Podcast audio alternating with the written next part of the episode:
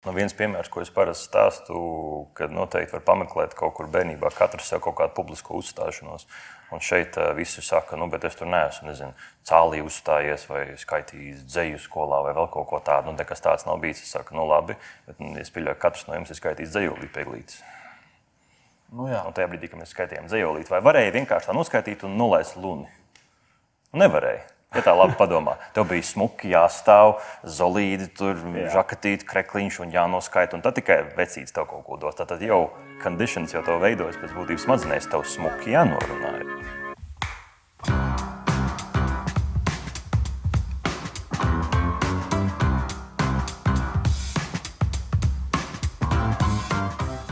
Tu esi kaut kādā nišā un tu domā, ka tev ir labi, un visticamāk tā arī ir, bet ir kaut kādi apstākļi, kas tev pamet tādu iespēju iziet tur ārā un uh, publiski sākt par to runāt, par savu lietu vai par saistītām lietām. Un, protams, ka daudziem cilvēkiem tas varētu saistīties ar kaut kādām varbūt uh, netik tīkamām emocijām un uh, sajūtām.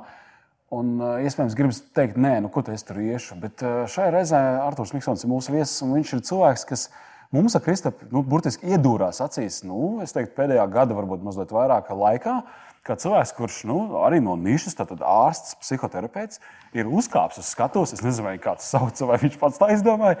Un ļoti veiksmīgi, un ļoti labas atsauksmes no publikas. Es pats esmu bijis vairākos eh, semināros un konferencēs, kur Arthurs runā. Un, uh, ir, ir šī te, nu, manas ārkārtīgi dievinātā saruna ar auditoriju, pat ja auditorija klusē neko nesaka, tev izdodas panākt šo miedarbību, kad cilvēki sakotāji domā līdzi. Jā, starp, starp citu, Jā. ir tā, Amerikā visi tie saraksti, tur, piemēram, speaker to watch, piemēram, tur, kuru nu, kā, ja, 20. gadā, piemēram, mēs Sakot varētu līdzi. ļoti nominēt tevi kā, kā runātājus, kam pievērst uzmanību. Jā, tieši tā. Jā, tādā ziņā jā, droši skatīties uz Arthuru kā uz, un, uz tehnikām, kuras viņš izmanto. Nu, varbūt ne jau tā, ka tur ir uz desmit balēm, jo tas desmit jau nekad tā īsti nevar būt. Ne? Bet katrā ziņā noteikti, noteikti uz to labo galu. Vienkārši jautājums, eh, kas notika? Kā tu pieņēmi šo lēmumu? Tas taču eh, ir relatīvi nesen, kad tu parādījies uz, uz semināru, un konferenču un dažādu kursu eh, skatuvēm, lielākām un mazākām. Kas notika un, un kāpēc, kāpēc tāds lēmums? Tur būtu jāsaka vēsture mazliet, kad vispār jau es sāku to, ka es pasniedzu studentiem mm -hmm. lekcijas un nodarbības, un kā tas šķiet pilnīgi pretējs tam, ko es daru tagad. Uh, Eh, lai gan šī joma, kā psihiskā veselība, psihosomatika, tāda psihoterapija, ko es pārstāvu, ir pietiekami pieprasīta, eh, tad pamazītiņām parādījās ārpus studiju vidas pirmie piedāvājumi uzstāties. Bet tie bija, teiksim, um, kaut kādās ārstu asociācijās, māsu asociācijās, uh, skolotāji reizēm paprasīja, nu, lai viņiem izstāsta, kas ar tiem bērniem īsti notiek, teiksim, uzvedības traucējumiem, ko viņiem darīt, kā viņiem rīkoties. Un tad bija pāris reizes gadā kaut kāda reta izbraukuma, teiksim, kaut kur man. Un tad uh, viņos bija acīm redzot, bijuši cilvēki, kas aicināja, o, jūs bijat pie skolotājiem, mēs gribam reku šeit sociālajiem darbiniekiem, mēs gribam savā pagastā vēl kaut kur. Un tā pamazītiņām tas aizgāja līdz pat um, kaut kādā ziņā pavērsienu punkts, protams, bija TEDx. Uh, pagājušā gada novembrī, bet pirms tam jau bija mini kaut kādas uzstāšanās man pāris bankās, uh, apdrošināšanas kompānijās, kuri kā reiz gribēja dzirdēt par kā reiz emociju nozīmi, kā viņas paust, kā risināt konfliktus. Un, um, ja man jāsaka, TEDx runa kā tāda, man nešķiet labākā, ko es esmu sniedzis. Man ir bijušas noteikti pirms tam un pēc tam labākas. Man daudz teica, ka tu ieliec pēdējā brīdī, faktiski. Tu tur Jā, kā... man burtiski zvans no Pāvila pienāca, ja nemaldos, septembrī kaut kādā septembrī. Vidū, vēl. bija pusotrs divi mēneši pirms. Pusotrs divi mēneši, jā, manuprāt, tas mm, mm. bija uz vienām vai divām apmācībām, ņemot vērā visu to man noslodzi. Uh, Nu, beigās viss jau izdevās un bija ļoti, ļoti forši. Tāpēc saku, tā runa kā tāda nevis priekš manis bija wow, bet tas wow bija tie kontakti, ko es nodibināju pēc jā, tam. Jā. Nu, faktiski tas, ko es dzirdu, ir sniega bummas efekts lēnā garā. Ka jā. tu neatsaki, ja tu strādā ar studentiem, ja tev kaut kur paaicināts kāda asociācija, tad jau redz arī privātu uzņēmumu uzaicina, un tu vienkārši stoji. Un faktiski tas, ko es arī dzirdu, tas ir saturs. Nu, neaicinātu tāpat vien, tad, tad tas saturs ir vērtīgs. Tad, tad, ja tu esi savā nišā, tad urbi dziļāk un uh, sāc struktūrēt to vēstījumu. Kristofers droši vien arī piekritīs par to, ka, ja mēs ejam uz auditoriju, tad uh, nepietiek, ka tu zini savu lietu. Tas ir tieši tas, ko es arī dzirdēju, ka, ir, ka tu dari savu darbu, un tu dari, un tu nedomā par publisko runu. Tu vienkārši dari savu darbu, un tev sāk aicināt. Un tad tu lēnā garā to pievieno kā vēl vienu elementu klātam savam mm. darbam. Protams, ka tā, tam klāt vēl nāks atpazīstamība, popularitāte un tā tālāk. Tā tālāk. Un noteikti brauks mēdī, un ko viņi arī dara droši vien. Mm. Un, un prasa tev visādus jautājumus. Tu kļūsti vienkārši par to eksper, ekspertu. ekspertu jā. Jā. Bet, nu, saka, godīgi, vai tas netraucē tev pamatdarbā? Jo nu, tas iespējas tomēr par ārstiem ir, ka tas darbs ir ļoti prasīgs un tur jābūt augstai koncentrācijai. Tur nāk pacienti, nav tā, ka tu paralēli domā, ievadu savai rītdienas runai. Mm, nē, tā gan nav bijis. Man drīzāk es teikšu, tas uzliek slogu tādu, ka iepriekš pacienti, protams, nu, netrūka. Darbs bija, klīniskais darbs bija diezgan daudz. Mm. Bet ņemot vērā manu pieaugušo atpazīstamību, šobrīd darbs ir vēl vairāk. Man jādomā, kā menedžēt kaut kādā ziņā to pacientu plūsmu. Šobrīd ir izveidojusies tāda rinda, ko es fiziski nevaru paņemt nekādā veidā. Bet tieši tas, ko Kristaps teica, es nekad vienā brīdī nebiju domājis mērķtiecīgi iet uz skatuves un kaut kā baigi piekopt to, un es tagad to sasniegšu.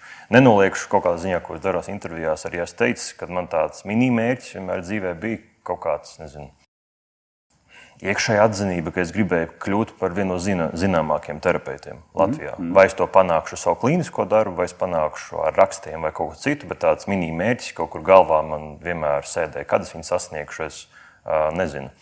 Un tagad es uz tās skatuves izēju, es cenšos vienkārši pasniegt to ideju, ko es vēlos um, cilvēkiem. Vai tas ir par konkrētu klīnisko gadījumu, vai tas ir par pieeju pacientam, vai tas ir par pieeju skolniekam. Vienalga. Un mana pieeja ir tāda, ka es cenšos stāstīt pēc iespējas vienkāršāk. Daudz man teiksim, ir arī teikuši, tu kaut kā tā ļoti saprotami izstāsti mm. tos visus emocijas, to visu bioloģiju un tā tālāk. Tāpēc kaut kādā ziņā man ir jāatzīstās, ka es, es pats diezgan vienkārši to izprotu. Es, ja man vajag, es varu iedziļināties sīkāk, lasīt receptoru līmenī visu, kas notiek dziļi smadzenēs, ja man ir nepieciešamība pēc tā, bet ikdienas darbā man to nevajag. Ikdienas darbā man arī ir vienkāršāk ar pacientu mazliet jāstrādā, līdz ar to man ir jāiemācās normālā sarunu valodā viņam izstāstīt, kas īstenībā ar viņu notiek, kāpēc viņam emocijas ir tādas vai šī tādas, kāpēc viņam simptomi tādi vai šī tāda attīstās. Ja es viņam izstāstīšu vienkārši reku grāmatu, reku neironi, ne. jā, smuki, bet iespējams tas viņam nekādi nepalīdzēs. Un to es pamanīju instinktīvi lekcijās, jau kā es iesāku ar studentiem. Pirmās reizes, kad man iedeva, protams, tu satraucies, kā tu ej, tu sagatavo slaidus, un tur ir visas definīcijas un pamatojumi, klīniskie gadījumi, tu viņus stāsti. Un vienā brīdī es pamanīju, ka man pašam ir garlaicīgi. Mm. Un, ja pašam garlaicīgi, tad tas ticamāk arī auditorijai. Ar lielāku, var, varbūt, ne, ne? varbūt kāds tur arī sēž, kuram ir, oh, šī ir ļoti vērtīga jā, informācija. Jā, jā. Bet es pieļauju, viņi manī redz to, nu, reku šitas un reku tas. Un, Reku vēl viens slaids, ir, tad viņi redz to tavu neinteresētību. Jā, jā. Tad viņiem rodas jautājumi, nu, ko mēs te vispār darām. Un tad laiku es gāju noreducējot slaidus līdz minimumam. Šobrīd pat lielākoties es esmu praktiski pat aizgājis to, ka man vispār slaidu nav. Man vajag tāfeli, vienkārši vai nu krīt vai flomīti. Mm. Un tad es redzu, ka viņi daudz foršāk izsakotajai domai līdzi. Es varu uzzīmēt vienu elementāru zīmējumu, schēmu, tabulu, pāris vārdus, un mēs daudz dziļāk tajā tēmā varam iet iekšā, un tad arī viņiem raisās tā doma, kas tagad notiek, kas tagad ir. Mēs kaut ko varam darīt. Konferences vadot, uh, un sanāk, daudz vadīt dažādas pasākumus, ik laikam tehniski kaut kas nobrūk, tā skaitā vienkārši slaidus nerāda. Tad es tā līdzjūtīgi pieeju pie runātāja, paklapēju viņu pa plecu, saku, zini, kā labam oratoram slaidus nevajag. Un, protams, tā brīdī ļoti iedrošina. Tā brīdī tas slaids. tas tā. Viņam jau, tā, viņam jau tā jau ir uztraukums. Bet, um, Kristaps droši vien piekritīs, mums ik pa laikam ir klienti, kas ir tiešām arī savas jomas profesionāļi. Un viņi baidās lietot šo vienkāršo valodu. Jo viņiem šķiet, ka kā tad, ja tur arī ir speciālists zālē, kurš klausās, kā tad es tā, tā triviāli stāstīšu, un es kaut kur savu iespēju par savu kompetenci zaudēšu. Nu, tas, kurš atrod to veidu, ka, piemēram, tas, kurš saprot pietiekami ātri, kā tu teici, uz, uz, tā, uz kaut kādas tāfeles, kaut ko zīmēt, tas um, labāk ir, labāk tāpēc, ka tu uh, vienlaikus stāst un tu vienlaikus zīmē, un tad tam ir. Tā ir lineāra, lineāra uh, komunikācija. Savukārt, ja tu, piemēram, iedod slaidu, un tu runā, tās ir dalītas, dalītas uzmanības. Un tajā, tajā Jā. gadījumā tu, tu vienkārši atradi šo kā ērtu virzienu. Un kaut kādā ziņā es arī pats pamanīju, ka tie slaidi, kad man ir, man brīžiem pat ir um, prezentācijas, konferences, kuras es uzstājos, ka man vien tie paši slaidi nemainās. Bet mans stāsts ir pilnīgi atšķirīgs. Katru reizi mainās piemēri, mainās kaut kādas definīcijas, mazliet, ko es lietoju. Es pamanīju, ka tie slaidi man ierobežojīgi. No vienas puses, rodas tas, ko tu saki, tāds duāls sajūta. Man it kā vajadzētu stāstīt to slaidu, bet reku tikko es iedomājos vēl foršāku piemēru. Jā. Un tad tu stāsti šo piemēru, vai tu turies pie slaida. Ko tu dari tagad? Ja tu stāstīsi to piemēru, tad viņi domās, pagaidi, tas nav uz slaida. Un tad radīsies tāda nesaprāta. Tur arī iekrīt ļoti daudz tie, kas veido prezentācijas, tāpēc ka viņi sāk ar slaidu veidošanu. Tad, kad viņi tos slaidus ir izveidojuši, tad viņi pieskaņo to stāstu tiem slaidiem. Artūra gadījumā viņš saka, nu, es nevargošu slaidiem. Es uztaisīšu savu stāstu, un, ja man vajadzēs, es varbūt pielikšu klāt kādu slaidu vai piezīmēšu tur kaut ko tam līdzīgu. Šī ir ļoti labi piegā, šis ļoti labs pieejams, un es teiktu, ka gan skatītājiem, gan klausītājiem vienkārši šo te vajadzētu vienkārši pamācīties un pamēģināt. Jā, teiktu, pamēģināt. Slaidi nav pirmajā vietā, slaidi noteikti kā ar trešais jā. punkts vismaz, vai ne? Tev Tieši tā. Skaidrība, pie kā tu ej, kāds tavs runas mērķis. Tu izplāno struktūru, kā tu iepakos to vēstījumu, un tad tikai uzdos sev jautājumu, vai man vispār vajag slaidus. Mm. Un bieži vien jūs teiksiet, jā, vajag, viss kārtībā, bet, ja tu iesi šādā secībā, tad slaidi nebūs nu, tie, tie, kas vada tavu runu, jo to ļoti labi redz un dzird. Jā. Tas, ko esmu pamanījis, Artur, tev ir ļoti labi nostādīta balss. Uh, tu labi izskaties uh, ne tikai kā vizuāli skatos, bet tu, nu, kā šī, kā, kā Oskars teica, saruna ar, ar, ar, ar auditoriju. Tev ir kādi triki, rituāli, kaut kas tāds, ko tu dari, kam tu pievērsi uzmanību. Uh, pirms varbūt tu kā, kā tu, kādā veidā tu gatavojies. Šis process tas mūs ļoti interesē. Tagad tu atklāsi noslēpumu, ka tu negatavojies. Starp citu, uh, nē, es, protams, mentāli gatavojos, bet tas nav, uh, tas nav schēmiski. Es eju cauri, tagad man teiksim, jāizdara šis, jāpārdomā šis, jāpārdomā tas. Um, ir pāris runas, kurām es esmu gatavojies, kuras ir uzģenerētas burtiski šādi uh, pirms runas. Kāda viņām veicas labāk, kāda uh, nevisai. Tas, ko es cenšos piekaut, ka man ir um, schēma galvā, ar ko es vēlos plus-minus iesākt. Eh, kas būs pa vidu un kas būs pašā beigās, ar ko es iespējams nobeigšu. Varbūt runas laikā veidosies šī ideja, bet man ir ideja, ar ko vajadzētu nobeigt šo runu. Viss, kas notiek vēl pa vidu, var būt jau nezinu, jebkuras runas iepriekšējais teksts, un es vienkārši ģenerēju vēl, vēlreiz šobrīd, vai varbūt vienkārši improvizācija.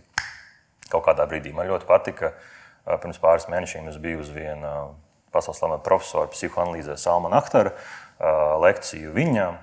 Un vienā brīdī es redzu, ka viņš kaut kā daudz tādus klīniskos piemērus stāsta. Pusotras stundas laikā, viņam ir labi, ja trīs slaidi. Melns uz balta, pāris teikumu, nekā daudz nav. Es viņam piegāju pēc lekcijas, pajautāju, cik daudz no viņa runas ir strukturēta un cik viņš jau pirms tam ir sarakstījis šo piemēru, šo klīnisko, šo piemēru, citātus un cik daudz viņš improvizē. Un viņš tieši to pašu teica.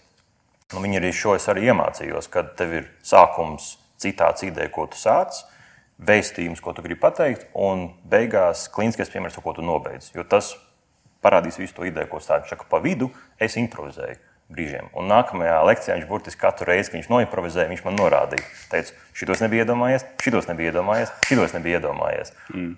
Un tajā brīdī tas ir tas, ko es pārņēmu, kad lekcijas laikā runājot, tāpat kā psihoterapijā pēc būtības, tev esot tur uz skatuves runājot, rodas kaut kāda brīva asociācija pēkšņi kaut kāda atmiņa, pēkšņi kaut kāds piemērs, ko tieši rakstot tos slaidus, kāds teica, tev neienāk prātā vispār. Un tad pēkšņi skatos, tev tāds pats, bet šis piemērs man bija, šis klients, šī kā, lieta. Kāda ir ar laika vadību, vai tev nesanāk pārskatīt pāri laikam, kas tev ir atvēlēts? Jo tas, es saprotu to domu, un Jā. man ļoti patīk tas, ka tu pārdomā ievadu. Nobeigumu, ko mēs vienmēr sakām visiem uh, cilvēkiem, kas gatavojas kādu prezentāciju. Es zinu, kāds sāks un galvenais, kā tu beigsi, jo beigas atnāks kaut kādā brīdī. Uh mhm. -huh. Bet tas vidusdaļa, viss tas jāiet kaut kādā apmēram rāms, un plus ir tās asociācijas, kaut kāda neliela improvizācija, uh, laika dimensija. Vai tev labi iet ar to? Ja šis izklausās mazliet pēc riska momenta. Ehm, ja man teiksim, ir darbs ar studentiem, tad, protams, tur es varu variēt. Tur tas laiks, plus mīnus, ir vienalga nodarbībai. Protams, deadline, kur mēs pabeidzam, bet Jā. varam beigt bija ātrāk. Ja viņiem interesē, mēs varam, ja viņi piekrīt, pārsēžam tālāk. Konferencēs, kas es uzstājos, es nekad neesmu pārnājis pāri. Okay. Tāpēc, kad es sekoju līdzi, plus mīnus, kur ir kā, mm -hmm. ar to vairāk ideju. Um, jāatzīst, tas ir jāattīsta, bet, teiksim, ja es noimprovizēju kaut kādu brīdi, es pastos laikā, un es redzu tā, šito, ko es biju domājis, slaidā, to es stāstīt nevaru. Tad man jāizdara izvēle. Šo es ņemu ārā, jo es noimprovizēju tikko. Tad es jau 2-3 minūtes zaudēju. Tad man jāiet uz priekšu, vienkārši uz pārlecu, uz citu piemēru kaut kādu. Nevis, ah, man ir jāturās pie slaidiem. Tad gan var iebraukt um, auzās un to laiku pārtērēt kaut kādā ziņā. Vai ir kaut kas tāds, ko tu tagad zini, un tu vari pateikt, jā, šis man, piemēram, publiskajā runā ir vājais punkts. Es vēl pie šī strādāju. Man grūti iesākt. Ir. Tā ir ievadieša. Jā. Emocionāli kaut kas satraukums vai kādā ziņā grūti? Es pat pats to nejūtu īsti. Tu nezini, ne, ko tieši tu, ne, vai tu nezini, neesi identificējis, kas ir tas? Es nojaušu, tur noteikti ir ļoti nērti sākumā kauns, vai man pieņems, vai man nepieņems, kā jā, tas īsti jā. būs, bet to man norādīja kolēģis. Nesen um, Lampas, um, nevis festivālā, bet um, Pasākums, jā. Pasākumu ietvaros, kas jā. bija pa visu Latviju, vairākas lekcijas, kāpēc tu man besīji. Lekcija mm. bija Ventspīlī. Um, ļoti forši uzņemoša auditorija. Viss jau forši gāja. Man kādreiz bija kolēģis, atnācis, kurš turpat arī ārsts strādā. Mm. Un viņš pēc tam pienāca, saka, visu tu forši, nu, nevis baigi labi, bet sākumā var redzēt, ka tev ir tas, ko es vairāk esmu dzirdējis, kā tu runā, ir šitie, šitie kājas krustā. Es pats to nejūtu kas to sākumā dara. Viņš saka, bet tu kaut kā organiski runājot, tev pēkšņi saka, tu sāc runāt, tu laikam jūties brīvāk, drošāk, tev rokas atnāk vaļā automātiski, kājas. Mm. Nav vairs krustā, tu sāc gestikulēt, un, un, un tev aiziet. Jā, mēs par šo diezgan runājam, jā, par to, ka sākumā uh, lai gan gribas to noslēgšanos, tā, tas ir faktiski būtu jāpārvar. Tad varbūt tas arī nezinu, vai tā var tagad darīt. Ja tev novēlējums tev piedomāt pie tā. Un, arī man, arī man, man tieši tas. Nē, nu, jebkuram cilvēkam, jā, nu, tev droši vien būtu labs skaidrojums, kāpēc cilvēks to darīja. Nu, tur kaut kā tā bailes kā pieņems, vai gadījumā tur nav apdraudējums no publikas un tā tālāk. Mm. Tur varētu droši vien rakt ļoti dziļi. Bet nerokot dziļi cilvēkam, kurš nav ārsts, psihoterapeits, kurš mūs klausās vai skatās. Um, kā tu varētu skaidrot uh, publiskās runas uh, satraukuma sajūtas, trauksmes sajūtas, uh, kāds tās sauc par bailēm, droši vien arī pareizi teiks, un, un lampadrūds, nu, ir visādi apzīmēti. Uh -huh. Um, nu, kas ir tās lietas, kas mūsos notiek? Nu, tā jau var tādu īsu versiju vienkāršo to. Un, protams, galvenais, kā, kā ar to, nu, vai cīnīties, vai, vai aizstāt ar kaut ko citu. Nu, kas būtu tā formula, kā ar sevi strādāt? Nu, viens piemērs, ko es parasti stāstu, kad noteikti var pameklēt kaut kur bērnībā, katrs jau kaut kādu publisku uzstāšanos. Un šeit uh, visi saka, nu, bet es tur neesmu, nezinu, cālī uzstājies vai skaitījis dzeju skolā vai vēl kaut ko tādu. Nu, nekas tāds nav bijis. Es saku, nu, labi, bet nu, es pieļauju, ka katrs no jums ir skaitījis dzējolīti pieglītis. Nu, jā. un tajā brīdī, kad mēs skaitījām dzējolīti, vai varēja vienkārši tā noskaitīt un nolaist luni? Nu, nevarēja. Ja tā labi padomā, tev bija smuki jāstāv, zolīdi, tur Jā. žakatīti, krekliņš un jānoskaita. Un tad tikai vecīts tev kaut ko dos. Tad jau conditions jau to veidojas pēc būtības smadzenēs, tev smuki jānorunā. Ir. Tad, ko tu gribi ar to pateikt? Ka ir, uh, ir milzīgs spiediens no apkārtējiem, ka tev jābūt ļoti labam. Ieborēts, tev... es saku, tas, tas, tas ir viens tikai piemērs. Jā, jā bet tas ļoti labi ilustrē. Kad mums ir uh, iestāstīts, ka nu, tev jāperformē ideāli. Tu nevari okay. kļūdīties. Publiskajā runā pastāv risks, ka tu kļūdīsies. Un tas, ko mēs runājam, tu kaut kā ne tā nostāsies, jā, pārteiksies, slaidi nepārslēgsies, vēl kaut kas mazums dzīvē, viss vis kaut kas gadās. Bet tu piedēvē tam vērtību kaut kādu. Dzīves laikā, vai tās bija nezinu, neglītas, vai tie bija kaut kāda cita dzīves pārdzīvojuma, ģimenes pieredze, uzstādījumi no ģimenes, kas tev ir, ir vai nav jādara, veidot tavu skatījumu uz realitāti. Jautājums, kādu vērtību tu piedāvāji tai uzstā, tam uzstāšanās brīdim? Bet tajā pašā laikā tu zini, ka šādas pašas vērtības arī ir auditorijai. Arī viņi ir stāvējuši pie tās eglītes. Tieši tā. Un viņi... Vai to vērtību tam aspektam var mazināt, un es varu pateikt, ka man šis neņem. Un es tagad uh, izdarīšu no sevis labāko, bet man uh, apkārtējais spiediens viņu uztvere un tā tālāk nav tik būtiski. Bet to vispār var izdarīt. Nu, man jau šķiet, ka var, bet uh, varbūt kas ir tāds - lēnā garā var. Sāk treniņš. Ne, nu, sākumā, teiksim, protams, ar prātu tīri tev jāiestāsta sev. Eh, tas nemainīs emocionālo fonu. Aha. Tas bailes tāpat būs, tāpat tev trīcēs. Pat ar domu gājienu es nevaru nomainīt emocionālo fonu. Eh, tas, ka tev būs fizikāli šādas reakcijas, un tu trīcēs, tu nevari. Tāpēc, ka tā ir tīri labi. Ja tu vari piedomāt, tagad netrīc, un tur turēt, bet tāpat tev raustīsies. Jā, tiešā veidā cīnīties ne, bet ja es jā. aizstāju domu gājienu ar, eh, teiksim, esošo tādu no destruktīvo domu gājienu, kas man noved kaut kādā negatīvā emociju, kaut kādā ciklā, aizstāja kaut ko citu, tad varbūt arī emocionālo fonu var nomainīt. Ar laiku, jā, bet tā ideja ir, ka tev vajag šo jauno emocionālo pieredzi. Ja tu teiksim, es uztrenējies un tev sanāk, tad tie cilvēki, biežāk, ko es satieku, kuriem tā pirmā reize ir šausmīga, viņiem saka, mm. es tur uzkāpšu, man aizlūzīs balss un es trīcēšu un tā tālāk. Un man tad parasti ir tāds, varbūt skarbāk teikt, nu un, un vai tas tevi padara par muļķi, nekompetentu, ne ekspertu šajā jomā. Nē. Nu, pat ne eksperti nepataisa, bet eh, iespējas uz publiku paliek, nu, tāds, nu, tāds nekāds. Ja, bet, un, un, tā, tā, tā viņš var atbildēt, vai ne tas cilvēks? Nē, viņš var teikt, un redz, un ko viņi tur padomās. Saka, nu, labi, viņi padomās, bet uh, vai tu esi ņēmis vērā faktu, ka tu uzkāpi uz skatuves? Ka tu mēģināji, ka tu runāji, ka tu prezentēji. Ne, viņi visi sēž tur. Tu vienīgais prezentēji Jā. šobrīd. Tas netiek ņemts vērā. Tas ir psihisks mehānisms, mazliet nošķelt vienu no informācijas daļu no otru atstāt. Un tu Aha. pieķeries tam eh, nezinu, žagu momentam, aizķeršanās momentam, kaut kam, bet tu neņem otru momentu. Jo realitāte Apstākļus. Neņem vērā, jā, ja tu neņem vērā visu realitātes principu. Visa realitātes princips ir, ka tu gāji uzstāties, uzņēmies, gatavojies, norunāji un pieļāvi kļūdu. Tu tā, es pieļāvu kļūdu. Pagaidām, kurš ir tie pieci pazuduši? Visa prožektora gaismas ir tikai uz to vienu aspektu. Ne, ne, nepaņemot, šis ir ļoti labs, tad ieraudzīt lietas plašākā kontekstā un pateikt sev, nu, Nu, bet tas ir bezmaz normāli, ka es tur nožagojos vai aizķēros, vai kaut kas man nesnāca tīri tehniski, tāpēc ka es taču biju spriedzes situācijā. Nu, ja. Un nākamās reizes ejot un mēģinot, tev jau mazliet citādāk tas skatījums, jo tu vari integrēt iepriekšējo pieredzi. Mm -hmm. Pretējā gadījumā vienalga, vai tā ir eglīte vai nezinu, reāla uzstāšanās, kur tiešām kļūdījies. Nu, nezinu, vai tiešām tu pieļāvi rupju kļūdu, vai tur auditorija vienkārši viss vēl pārāk. No, vienkārši, nu, piemēram, tev ļoti nepatīkama pieredze bija. Tad uh, uz Jā. to balstoties, protams, negribās to atkārtot. Smadzenēs uzreiz aiziet ceļš, nē, šo vairs situāciju negribu. Un tev vajag jaunu pieredzi. Jaunu pieredzi tu vari gūt tikai viņu darot, un nevar būt viņu domājot. Jā, jo tas, tas ko tu saki, Oskar, par to, par to aizstāšanu, tiešām tas ir tādiem, nu, kā, kas, kas desmit gadus ir kāpuši uz skatuves. Tā, nu, tā, tad tu vari aizstāt. Bet Man mēs varētu eh, lietot terminu papildināt. Respektīvi, tas, ko Arthurs saka, nu, neskaties šauri uz to vienu, kas man kaut ko neizdevās, bet saprast, ka visu to kontekstu, ka tu ieraugi to realitāti tādu, kā nu, pēc iespējas tuvāk, kāda tā ir. Nu, jā. Un tad arī mainās tas tā, tā attieksme un iespējams arī emocionālais fons par to kļūdu un kā tas viss izskatījās. Kā, publiski. kā tu pats jūties, kad uzkāpi uz TEDx skatuves un tu redzēji, nu labi, tur vairāk gaismas redzēji nekā cilvēks bet, -huh. acīs, bet eh, kāds tu pašam un kā tu noraksturot, kas tev notika tajā brīdī?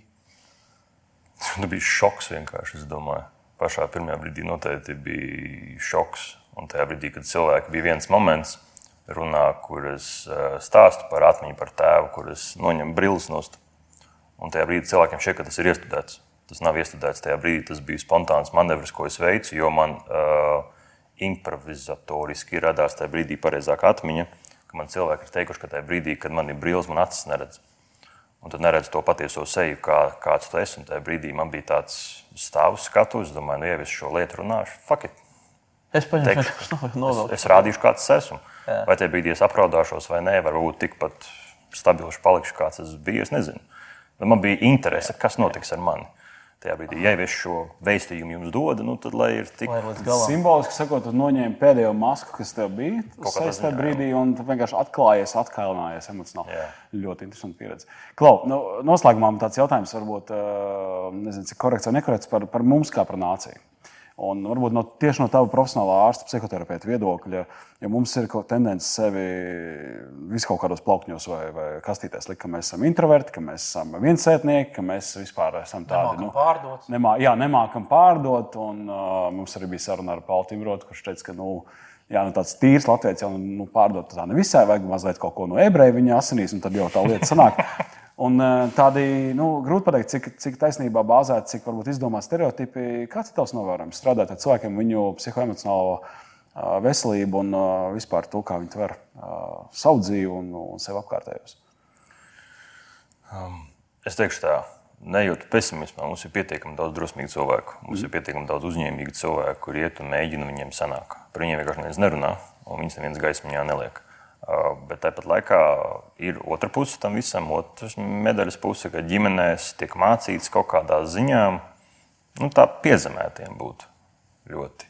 Kaut kādā ziņā. Nu, tā nebāz beigās galvā neizcelies, neizcelies kaut kādā ziņā. Tur, protams, daudz ir vilkt paralēls autos, tur padomju mantojums un tā tālāk. Mazliet no tā kaut kas, protams, ir, bet tas ir vienkārši paudžu paudzē turpināts nodot, nu, kad nē, tu tā labāk, vienkāršāk, nevis tā spilgtāk. Kāpēc nevar spilgtāk? Jo tad vai nu tev pašam tajā brīdī, mācot savu bērnu, vai apkārtējiem sāks skaust. Tas ir tas, ko es katrā lekcijā tagad kā pushumoru stāstu, kad mums ir latviešiem ir vienīgā, manuprāt, tauta, kur ir divu veidu skaudības baltā, melnā.